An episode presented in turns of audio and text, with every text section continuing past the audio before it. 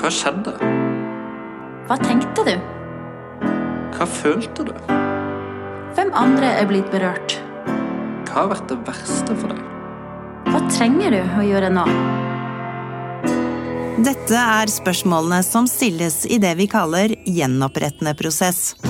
Jeg heter Gro Jørgensen og er informasjonssjef for konfliktrådene i Norge. I Konfliktrådspodden forteller vi deg om det som skjer i meklingsrommet. Ansikt til ansikt møtes de som har noe uoppgjort seg imellom. Hovedpersonene i denne utgaven av Konfliktrådspodden er egentlig landets ca. 600 konfliktrådsmeklere. Disse utgjør kjernen av konfliktrådet, og det er de du møter dersom du har en sak i konfliktrådet. Du møter dem gjennom forsamtalen og i selve meklingsmøtet. Nå er det jo litt krevende da, å ha 600 meklere samlet til eh, podkastopptak, så vi får la én mekler representere alle. Til gjengjeld så kan vi vel si at uh, Kirsti Kolle Grøndal, du er vant til å representere mange, iallfall i tidligere år, hvor du var uh, politiker, statsråd og også stortingspresident. Hvor mange år har du vært mekler i konfliktråd nå? Seks år. Jeg har også med meg en som har stor erfaring med meklerrollen, og da kanskje ut fra at han gjennom sin jobb i konfliktrådet i mange år har plukka ut mange til dette vervet. Stemmer ikke det, Svein Ropstad? Jo, det har vel blitt eh, altså 200-300, tenker jeg, til sammen. Mm.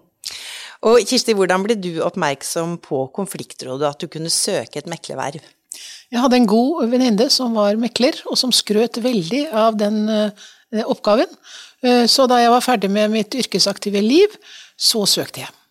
Var det noe å ta med fra politikerjobben inn i meklervervet? Eh, det jeg tok med, var jo et samfunnsengasjement. For man går ikke inn og blir mekler hvis man ikke er opptatt av å løse konflikter, uten at man nødvendigvis trenger å bruke domstolene og det juridiske apparatet.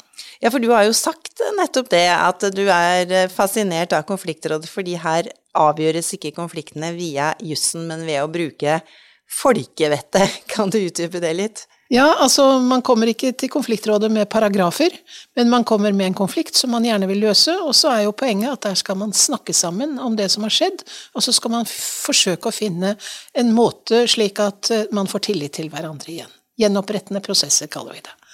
Men skjønner folk det, Svein, at det her er det liksom ikke Norges lover som gjelder, sånn sett?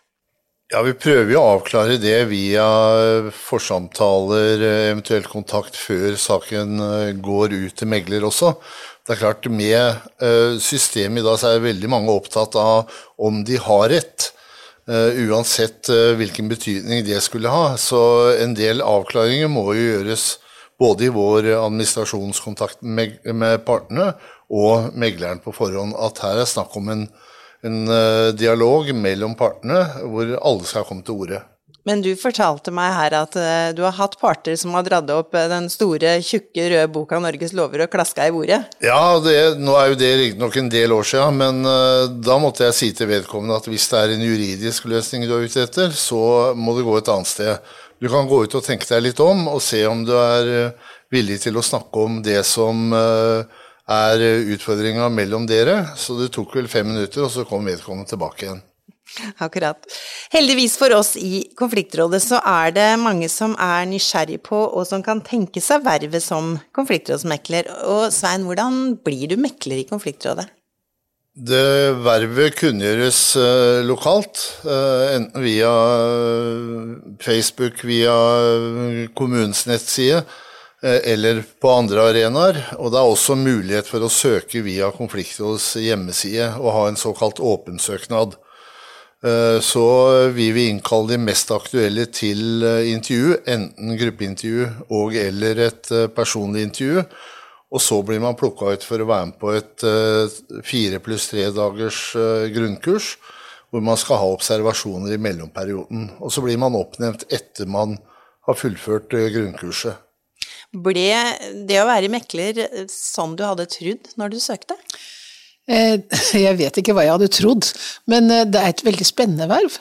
Eh, og jeg var jo til intervju, og jeg har vært på kurs, og vi har hatt rollespill, og gått ganske grundig inn i hva det vil si, hvilke dilemmaer du står overfor når du skal bli mekler.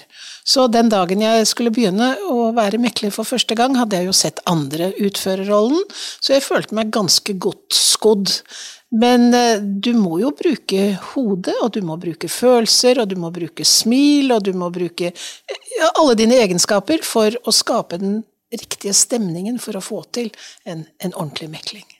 Det er jo ikke noe spesielt som kreves på CV-en for å bli eh, mekler i konfliktrådet, men hvilke personlige egenskaper er det vi ser etter, Svein?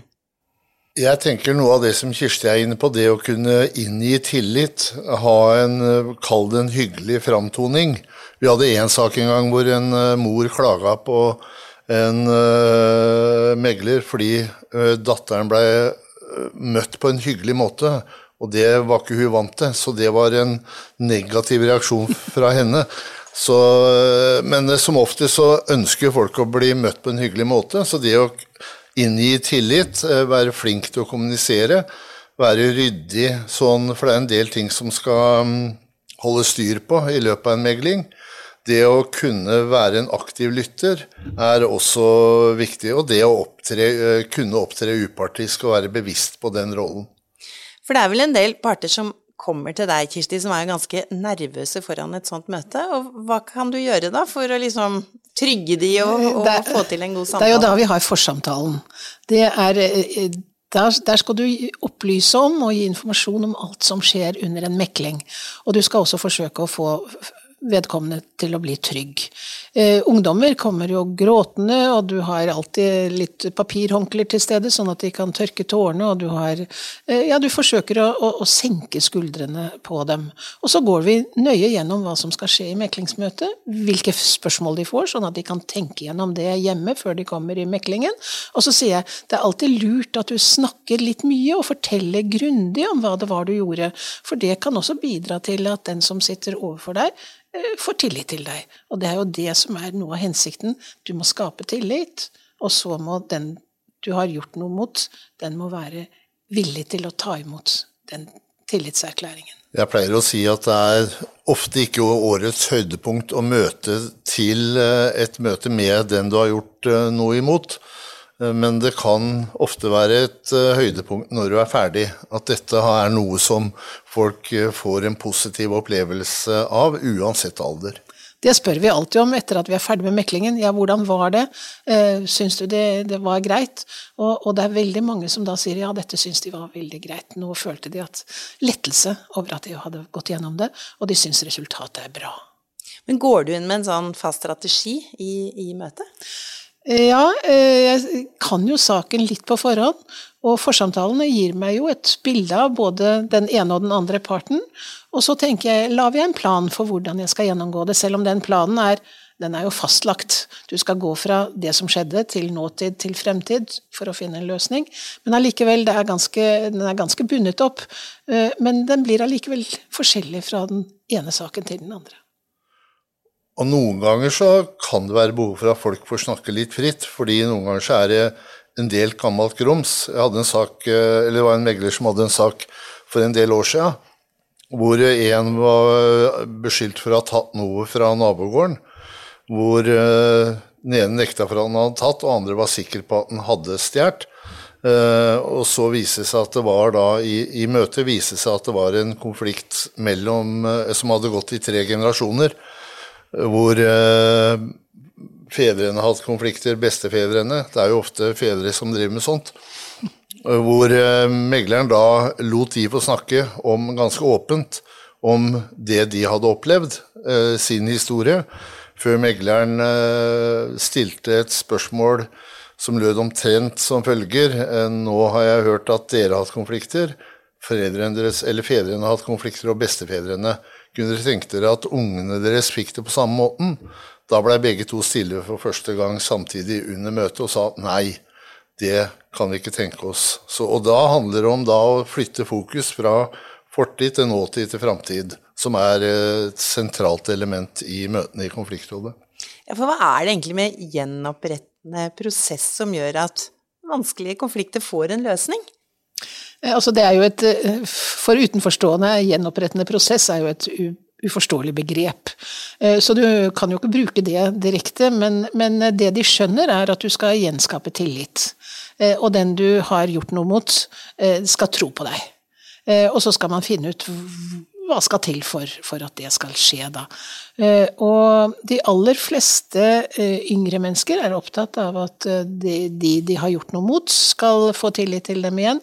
Voksne mennesker er jo også i den situasjonen. Det kan være nabokrangler som har gått i ganske lang tid, og så ønsker de jo å, å bli buss med naboene likevel, altså, slik at de strekker seg litt ekstra når de har en mekler som en slags mellommann til å få til den samtalen. For i motsetning til retts, rettsapparatet, så er jo det fine med konfliktrådet at der hører, lytter man til hverandre, partene hører på den enes historie og den andres historie, og de får til og med mulighet til å snakke sammen, mens i rettsapparatet er det jo aldri noen slik dialog.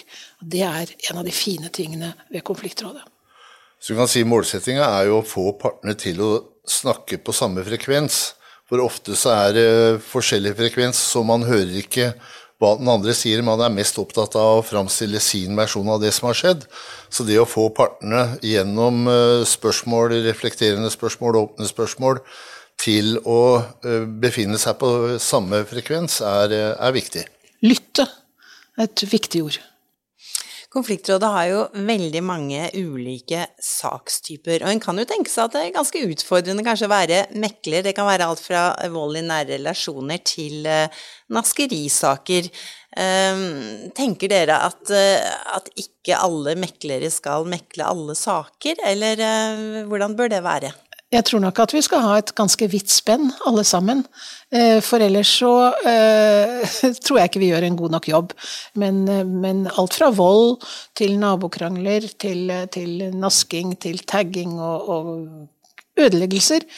Og krangel på byen, og noen slår hverandre ned, og ja, det er et mylder av ulike saker. Det bør vi nok ha erfaring med. Men metoden vår er på en måte lik i alle typer saker, Svein? Den er lik i alle saker. Og så er det klart, som eh, du blir ikke kasta inn i en eh, som megler i en alvorlig sak eh, som første eller andre eller femte saken.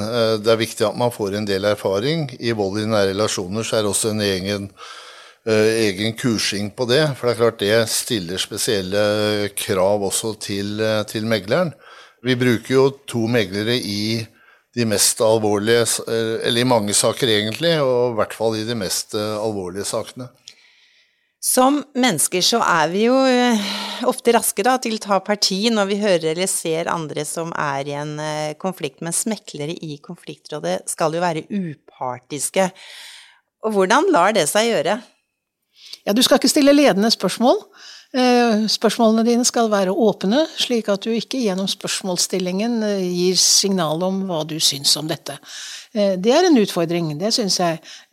Du skal ikke gi spørsmål hvor du bare skal svare ja eller nei. Du skal gjerne stille spørsmålene slik at vedkommende som skal snakke, forteller litt mer om hva han eller hun har gjort. Og dette er, dette er en klar utfordring for oss. Og det er jo sånn at eh, en god del er jo ønsker å få megleren på sin side. Ikke sant? Fordi man er opptatt av eh, altså vanlig måten å løse konflikter, om det er i forhold til kommuner, domstoler eller politi, er jo at noen bestemmer hva som skal skje. Og da å være øh, bevisst på at man har sympatier og antipatier. Hvis man ikke er bevisst på det, så er det mye lettere å gå i fella med å ta parti. Nå viser jo brukerundersøkelser at eh, partene i høy grad oppfatter at meglere er upartiske i møtene. Det er jo også sånn at meklere da har som oppgave å lede da prosessen i, i eh, meklingsmøtet og se om partene kan komme fram til en uh, avtale. Meklerne skal ikke være dommere. En uh, dommer er en leder. Og hvor lett er det for en tidligere stortingspresident å ikke ta ledelsen og bestemme Nei, jeg bestemmer ikke, men jeg tar ledelsen. For du skal lede gjennom en prosess i et meklingsmøte. Den skal jo skje etter en bestemt mal. Eh, du skal gå fra hva som skjedde, og til hva kan dere tenke dere er løsningen på denne konflikten. Og den samtalen og den utviklingen i møtet skal du lede. Eh, men du skal, ikke, du skal ikke bestemme hva som skal bli resultatet. Da er det til slutt, hvis jeg spør ja, er det nå grunnlag for en avtale, så er det opp til partene om de uh, sier ja eller nei til det. Som regel sier de ja. Og så sier jeg hva skal den avtalen gå ut på? For dette er deres avtale, det er ikke min avtale. Hva kan stå i en sånn avtale? Ja, jeg starter gjerne Det er jeg som, som mekler som fører den i pennen. Eh, men, eh, men, den begynner med at man har møttes til mekling av den og den årsak. Og så hadde man en samtale, og man lyttet til hverandre. Man har den ene parten har ofte sagt unnskyld, ikke sant, og den andre parten har godtatt den unnskyldningen. Og så kommer det, og som, for å gjenopprette tilliten, så, så, er partene enige om at, og så kommer det hva man er enige om. Og så til slutt, hvis det er en straffesak, så står det at innen den og den dato så skal uh, uh, denne avtalen være gjennomført. Og i sivile saker så handler det jo veldig, veldig ofte om hvordan man skal forholde seg til hverandre i framtida. At man, eh, hvis det har vært et høyt konfliktnivå, hva skal man gjøre hvis det oppstår uh, uenigheter, konflikter framover?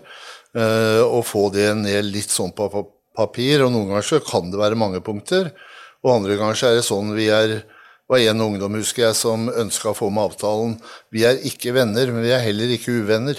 Nei, akkurat. Det var det han igjen ønska. Ja, og det kan også være så detaljert i en sånn avtale at de bestemmer om de skal hilse på hverandre eller ikke når de møtes på byen? Ja, det kan det være. Og øh, som oftest så sier man at vi skal hilse på hverandre. En gang så var det en som sa at Eller ble partene enige med at hvis det var, de var på en, det var en fest, og den ene var på festen, så skulle den andre gå hvis han kom da etterpå. Så det er, det er veldig stort spenn i hva som kan stå i en avtale. Og som Kirsti sier, så er det avtalen er partenes, og det er det partene ønsker å ha med, som skal stå i avtalen. Megleren skal bare nekte å godkjenne en avtale som er urimelig. Kirsti, du er da i gang med din andre meklerperiode fordi man blir oppnevnt for fire år om gangen. Ja. Hva er det som gjør at du gidder å bruke tid og krefter på dette? Du kunne ligge på sofaen og vært eh, pensjonist etter et langt og krevende ja, yrkesaktivt liv. Og så hadde jeg blitt sjukere og sjukere. Nei, det er jo det er et samfunnsengasjement som ligger i bunnen, ikke sant. Jeg, jeg ønsker å, å, bidra, eh, og på denne måten så kan jeg bidra med at folk eh, ikke trenger å ha så mange konflikter seg imellom. Ganske lite bidrag, naturligvis, men jeg syns det er veldig meningsfylt. Og det mange meglere sier, er at det å være megler gir dem type kompetanse som de kan bruke i vanlig jobb eller i utdanning eller på annen måte, noen ganger i forhold til familien, eh, men eh, mest kanskje i forhold til jobb, hvor de bruker da det de, erfaring av det de har lært som meglere, i en eh, vanlig arbeidssituasjon. Det får være salgsplakaten til at vi i eh, Konfliktrådet trenger stadig nye meklere. Og er det sånn at du etter å ha hørt denne podkasten tenker at dette er noe for deg, så kan du lese mer på Konfliktrådets nettside, og her finner du også elektronisk søknadsskjema eh, til meklervervet. Tusen takk til dere, Kirsti Kolle Grøndal og Svein Ropstad.